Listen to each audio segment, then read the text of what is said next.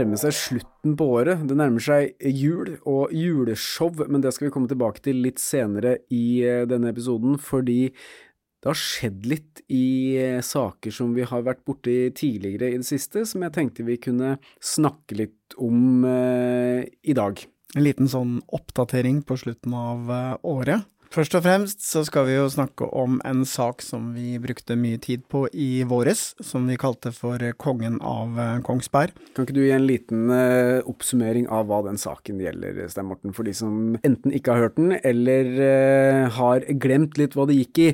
Og hvis du ikke har hørt den, så må du bare, bare si det kjapt, gå tilbake og hør hele Kongen av Kongsberg. Kongen av Kongsberg er jo historien om en tidligere politimann i Sør-Øst politidistrikt som uh, sluttet i politiet for å gjøre en karriere innenfor uh, sikkerhetsbransjen. Og pyramidespillbransjen. Og uh, helsebransjen. Og taxisjåførbransjen. Og i løpet av disse årene så har han blitt anmeldt hele 23 ganger for ulike, ja, hva skal vi si, straffbare og kritikkverdige forhold med forretningsdriften, da. Det var ting som gikk på regnskap, uh, unndragelse av skatt, uh, svart arbeid, brudd på revisorloven og mye, mye mer. Ja, politifolk som jobba svart for sikkerhetsselskapet og og uh, dette helsehuset på Kongsberg, ikke minst, som uh, satte vaksiner som hadde gått ut på dato. Og uh, ja, ufaglært øh, folk, dattera si blant annet, eller å vaske, smittevask. Seksuell trakassering. Kasta smittesøppel på lokale fyllinger. Det var mye rart, da. Ja. Mm. Vi brukte jo da veldig mye tid, og ga ut som sagt seks episoder om hele denne forretningsvirksomheten. Og nå har jo omsider noen reagert, da. Mm. Vi prøvde jo eh, å få tak i, det må jo nevnes, vi prøvde å få tak i eh, denne tidligere politimannen, kongen, eh, og dette, vi kan jo høre hva det var han svarte oss på telefon. Ja, som jeg har sagt, jeg har ikke noen kommentarer, så det er på en måte de bare gjør det sånn. ikke sant? Og Bare følg reglene, da. For dette, jeg følger med Ørgesøyne og hva dere gjør for noe. OK, da har du fått svar fra meg. Jeg har ingen kommentarer. Du tar kontakt med advokaten min. OK? Ha det bra. Vi hadde noe dialog med advokaten hans, som var eh, hva skal jeg si, litt på hugget til å begynne med, men uh, slutta å svare oss da vi sendte over episodene til gjennomlytting. Vi fikk jo aldri noe svar fra advokaten hans heller. Men det som har skjedd nå, det er jo at dette sikkerhetsselskapet har, får jo ikke lov å drive lenger. Mm. Sølvberget sikkerhet. Ja. Nå har jo politiet omsider trukket tilbake tillatelsen til å drive et sånn type sikkerhetsselskap, og det er rett og slett fordi at uh, bare jobba masse vektere her uten uh, nødvendig opplæring og godkjenning, og kongen sjæl også, Helge. Ja, daglig leder hadde jo heller ikke nødvendig kompetansen for å drive sånt selskap. Men det som er greia, er at det har vært varsla om dette selskapet i en årrekke. Og det har ikke skjedd noe nytt nå i det siste som skulle tilsi at eh, ja, da må man gå inn og se på dette selskapet. Det, det, han har drevet på på den båten i alle han år. Blitt, han har jo blitt anmeldt hele 23 ganger. Av 15 og, forskjellige folk. Ja, og disse sakene har blitt henlagt. Ja. Men nå endelig, når vi begynte å sette fokus på det, og NRK må nevnes, eh, også begynte å pirke borti den saken, så har faktisk politiet måttet ta affære. Så da kan vi kanskje konkludere med at eh, det å gjøre den jobben vi gjør, og NRK gjør, med å sette fokus på sånne ting og få det opp og fram i dagen, det har en effekt. Mm. Han får i hvert fall ikke lov å drive sikkerhetsselskap lenger. Nei, og det, det, det jeg lurer litt på, unnskyld, er jo selvfølgelig hvorfor han fortsatt får lov til å drive helsehus. Ja, det har blitt sterkt redusert, det helsehuset òg, da. Det var jo som et vanlig helsesenter, legesenter, hvor de hadde fastleger, eh, psykologer, gynekologer, alt det som man trenger for å drive sånn type sted. Men nå i dag så er det vel det eneste de driver med eh, røntgenundersøkelser. De har en sånn MR-maskin hvor de kan ta bilder av pasienter, og så sendes det videre da, til noen andre for vurdering. Fordi at det, det Helsehuset på Kongsberg opplevde, var jo en sånn kompetanseflukt. At de høyt utdanna legene som jobba der, forsto jo at det her var jo galskap. Gale hus, eh, hørte vi jo en lege omtale dette her som, så de dro jo bare derifra. Men tatt i betraktning av hvordan denne kongen av Kongsberg har drevet uh, butikk i uh, så mange år, så, syns jeg det er litt rart at han fortsatt får lov å drive et helsehus, selv om det bare er røntgen. Jeg mener at det er å spille lotto med folks helse, altså. Nei, altså dette er et, et vedtak som uh, er påklagd fra Sølvberget sikkerhet, og det vedtaket kan jo gjøres om. Sagaen om uh, kongen av Kongsberg er enda ikke over, og vi lager nytt innhold, nye episoder, dersom det skjer noe stort. Men en annen sak som har fått uh, utrolig mye spalteplass i mediene, uh, egentlig i 30 år, er drapet på uh, Birgitte Tengs snart 30 år. Birgitte Tengs ble jo drept i 1995, og to år senere så ble jo da fetteren til Tengs siktet og tiltalt, og det var jo advokat Sigurd Klomsæt som da i lagmannsretten fikk frikjent denne fetteren omsider. Og etter det så har jo denne saken vært uløst. Ja, fetteren ble jo dømt til å betale erstatning til sin onkel og tante, altså foreldrene til Birgitte Tengs. Derfor ble jo det hengende ved han i mange, mange år da, at ja, han ble frikjent, men retten trodde jo at han faktisk hadde gjort det. Derfor ble han idømt til å betale erstatning. Ja, det er veldig rart det der, men så er det slik at eh, bevisene som skal til for å dømme deg for drap, er jo mye, altså, mye sterkere bevis som trengs da, enn å dømme deg til å betale en erstatning. Men det er klart, ved å idømme fetteren en erstatning, så, så sa de jo rett og slett rett ut at eh, vi tror at han har gjort det, og det har jo vært et stempel som har hengt ved eh, ham i alle disse årene, og vært såpass belastende at han flytta jo fra Norge. For drøyt to år siden så var det en ny person som ble stemplet som drapsmannen i uh, denne saken. Nemlig denne mannen som vi senere fikk vite het Jonny Vassbakk. I februar i år ble Vassbakk dømt for drapet. Men nå har det altså skjedd en, eh, en stor tvist i denne fortellingen når Vassbakk nå ble frikjent i lagmannsretten. Jeg tenker at vi skal ta oss og ringe til uh, advokat Klomsæt og høre hva han tenker om denne frifinnelsen. Helge. Sigurd Klomsæt, du var jo advokaten til fetteren til Birgitte Tengs, og fikk jo han frikjent. Men eh, du hadde òg noe kjennskap til eh, denne Jonny Vassbakk på den tida da du jobba med den saken. Kan du fortelle litt om det? Ja, Sammen med advokat Erik Nadheim og privatrettsforsker Harald Olsen så var jeg forsvarer for fetteren eh, for lagmannsrett, og jeg da for Høyesterett og Strasbourg. Vi leverte en liste på syv personer under sakens gang for Gulating i 1998, nærmere sagt 11.6, eh, eh, på syv personer vi vet var vesentlig mer aktuelle som gjerningsmann enn fetteren. Øverst på den listen sto Jonny Vassbakk. Ja, hvorfor sto han øverst på den lista? Fordi vi rangerte ut fra hva vi mente var grunnlag for politiet til å undersøke i den rekkefølgen vi foreslo, og der var han eh, på den tiden åpenbart kandidat nummer én. Det som han hadde gjort eh, tidligere, han hadde jo også vært i området. altså Det å utelukke han som politiet gjorde, var etter min oppfatning ikke bare grov uforstand i tjenesten, men det var verre enn det. Men hva, hva, tenker du om politiets etterforskning den gangen uh, i denne saken? Det var en eh, komplett katastrofe fra dag én. Det begynte med at den eh, lokale legen som kom til stedet for å ta temperaturen på den avdøde, det var jo en vanlig måte å beregne tid for dødsfallet på, han hadde en eh, temperaturmåler som ikke gikk så lavt. Senere kom de store gutta fra Kripos, de hadde også med termometer som ikke gikk så lavt, så alt var jo galt fra børjan av. Og Man låste seg veldig tidlig til at det måtte være fetteren, og det ut fra både rykter og annet om at han hadde vist tendenser. Han skulle ha blottet seg, han skulle ha vist uh, stor uh, nervøsitet uh, da i begravelsen osv. Altså, alt dette var jo helt meningsløst. De laget spørreundersøkelser som var veldig rettet mot at man skulle få noe på fetteren. De krevde at han skulle vise ham kroppen sin for å se at han ikke hadde merker på seg. Altså, allerede da var han jo siktet uten at noen tok det på alvor i det hele tatt, eh, ja, komplett katastrofe var det den gang, og det har det vel også vært senere. Min oppfatning er at politiet ikke viser noen interesse for noen som helst andre enn fetteren. Hva tenker du om resultatet av den eh, runden i lagmannsretten, der eh, Vassbakk blir frifunnet? Jeg har uh, selvfølgelig stor respekt for at han er frifunnet, og det har han krav på å bli tatt på alvor. Jeg vil si det sånn at jeg er meget overrasket. Vi eh, gjorde jo et intervju med faren min som gjorde noen undersøkelser uh, i etterkant av uh, begge rettsrundene mot fetteren, hvis jeg ikke husker helt feil.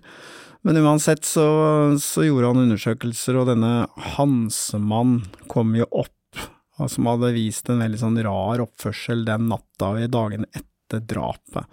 Sto han på noe som helst tidspunkt på noen liste? Jeg mener å huske at det var en naturlig kandidat sto der, jeg husker ikke dette detaljert nå. Men han hadde jo også en historie som var åpenbart av stor interesse for de som var interessert i å finne ut hva som hadde funnet sted til hvilken tid. Jeg vil også understreke at når vi leverte den listen, så fikk eh, politiet et pålegg fra lagmannen eh, Trovåg om å gjøre undersøkelser i løpet av den weekenden. Vi var der i Stavanger den weekenden, vi hørte ingenting. Eh, så kommer Finsal, etterforskningslederen, mandag morgen og frikjenner alle fra den listen vi hadde, og mente at alle var undersøkt og de var ikke av interesse for politiet. Det var nivået. Men fikk du noe som helst innsikt i hvordan de hadde sjekket disse andre ut av saken? Altså hva var grunnlaget for at de ikke var interessante? Sånn som jeg husker det, nei. Så Vi satte jo en ny standard med det arbeidet vi gjorde den gangen, både med DNA og ikke minst med falsk tilståelse. Vi fikk jo tak i verdensledende på den eh, arenaen, nemlig Gisle Gudjonsson, og han var jo klokkeklar i sin konklusjon. Det er også slik at Han har fortalt oss senere at eh, de politifolkene som han hadde inne til samtale eller avhør, de må åpenbart ha lyttet på hverandre med kommunikasjonsutstyr. Så fusket fra politiet i denne saken, eh, det har vært på flere nivåer. Men hva tror du skjer nå da, for nå er det jo ingen som er dømt for dette drapet. Tror du politiet kommer til å jobbe videre for å få en avslutning på historien? Ja, det er jo Cold Case som har uh, initiert den etterforskningen som er gjort på ny. Jeg vil tro at Riksadvokaten nøye vurderer hva han skal gjøre om. og jeg vil Eh, sterkt oppfordre Riksadvokaten til å ta dette på alvor og kreve eh, granskning av både saken osv. Det er forstemmende at en sak som er så gammel, og med en fetter som ble pågrepet i februar 97, har vært gjennom dette helvetet som det har vært for han. Og nå alle vet er bosatt i utlandet. altså Han rømte jo landet. Eh, ja, Det er en situasjon som har vært unngått, også i forhold til foreldrene til Birgitte, som har levd med den usikkerheten i mange år.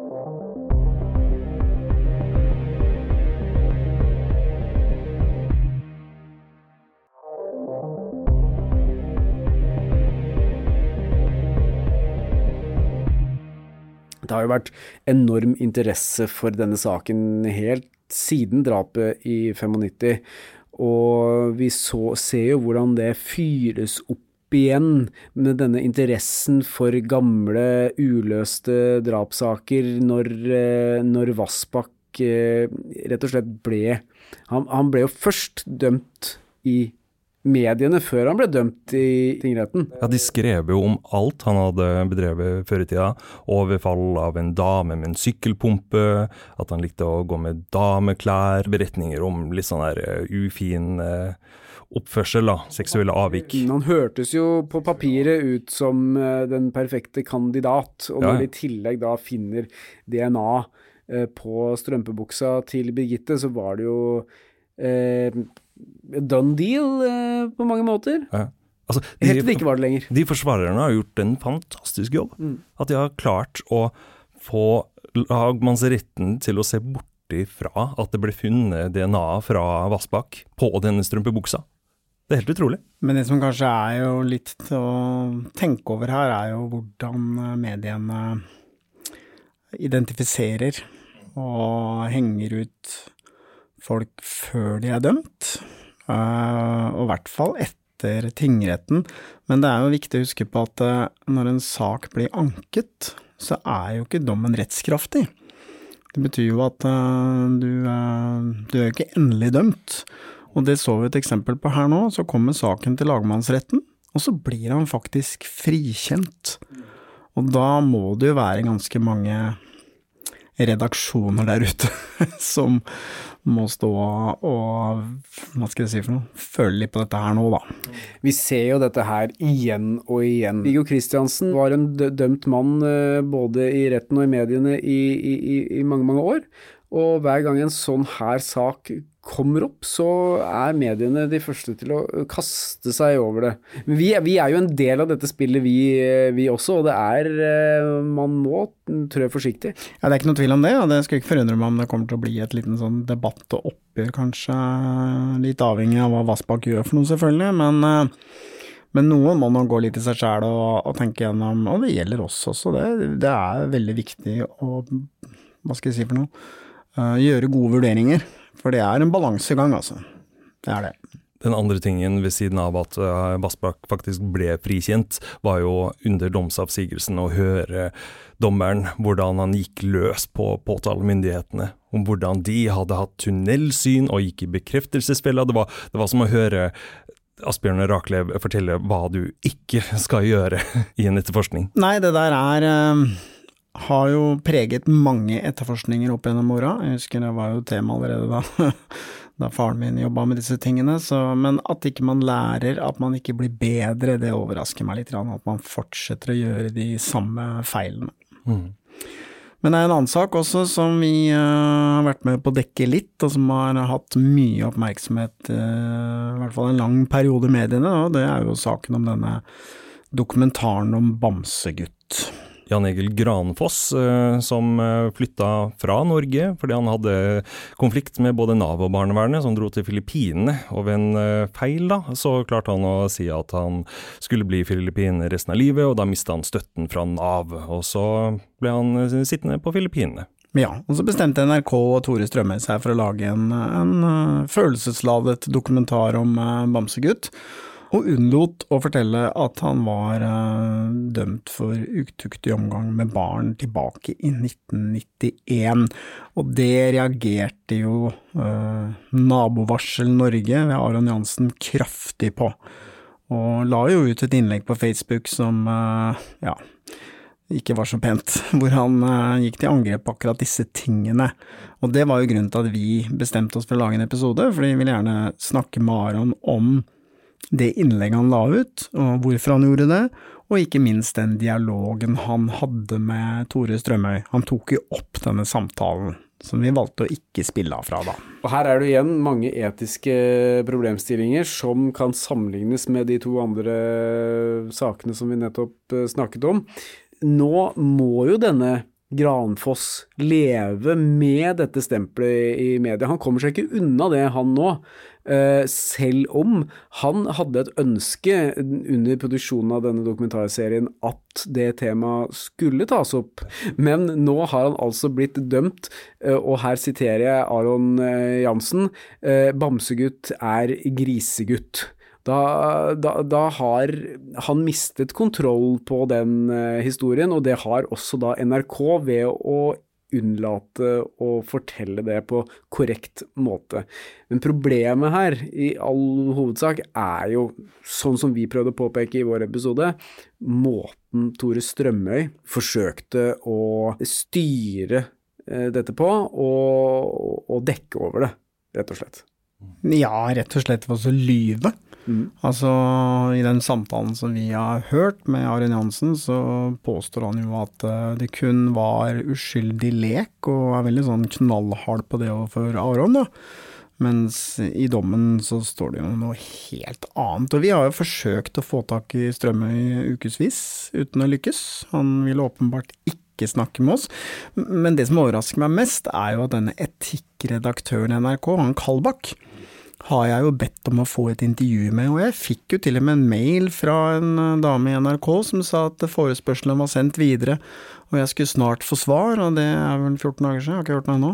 Så må vi si at denne taktikken til NRK og Strømme har jo vært effektiv, fordi at det stoppet jo oss f.eks. Eh, fra å eh, publisere denne samtalen som Strømme hadde med Aron. Da kunne vi ikke gjøre det når vi ikke fikk tak i ham. Så det, sånn sett så har han jo lykkes med det, da, vil jeg si. Det er jo at Strømøy har stilt opp i Se og Hør, og fortsetter å gi ut juleprogrammer på, på NRK radioen, eh, som ikke har noe egentlig med denne saken å gjøre. Eh, han velger å kommunisere direkte til sine følgere på, på Facebook, fremfor å gå ut og kommentere saken eh, i noe stor grad gjennom mediene, og får derfor styrt dette narrativet. Og det, det, det er jo utrolig smart egentlig. Fordi eh, for det første så slipper du å svare direkte på kritikken, og vi ser at det har jo kokt i kommentarfeltet vårt etter at vi publiserte denne episoden.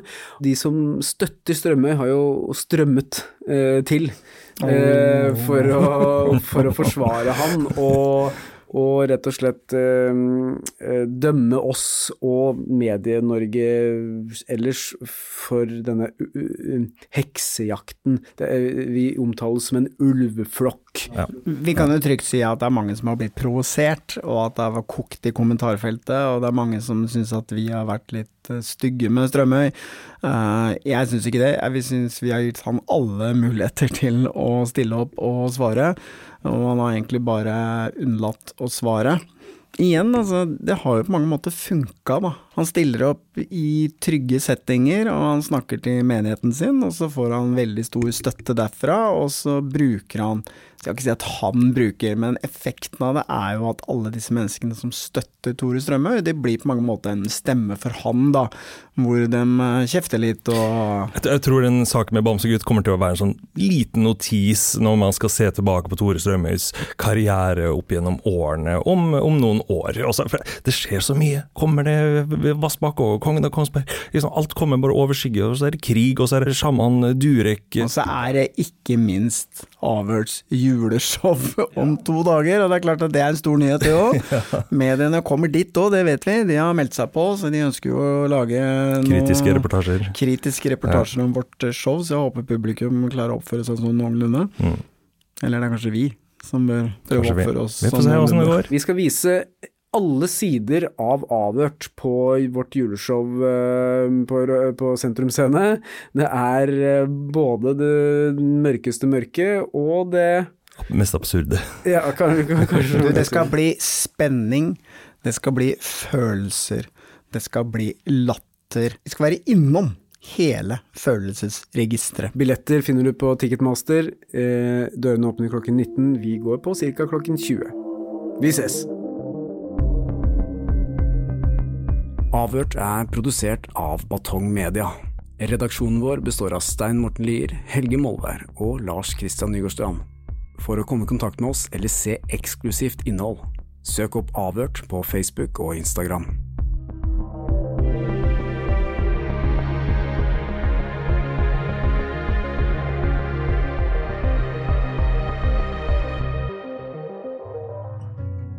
Hvis du setter pris på Avhørt og syns at den jobben vi gjør er viktig, så kan du støtte oss ved å vippse til 80 75 99 eller søke opp Batong Media i vips appen Og vi setter stor pris på alle bidrag, store og små.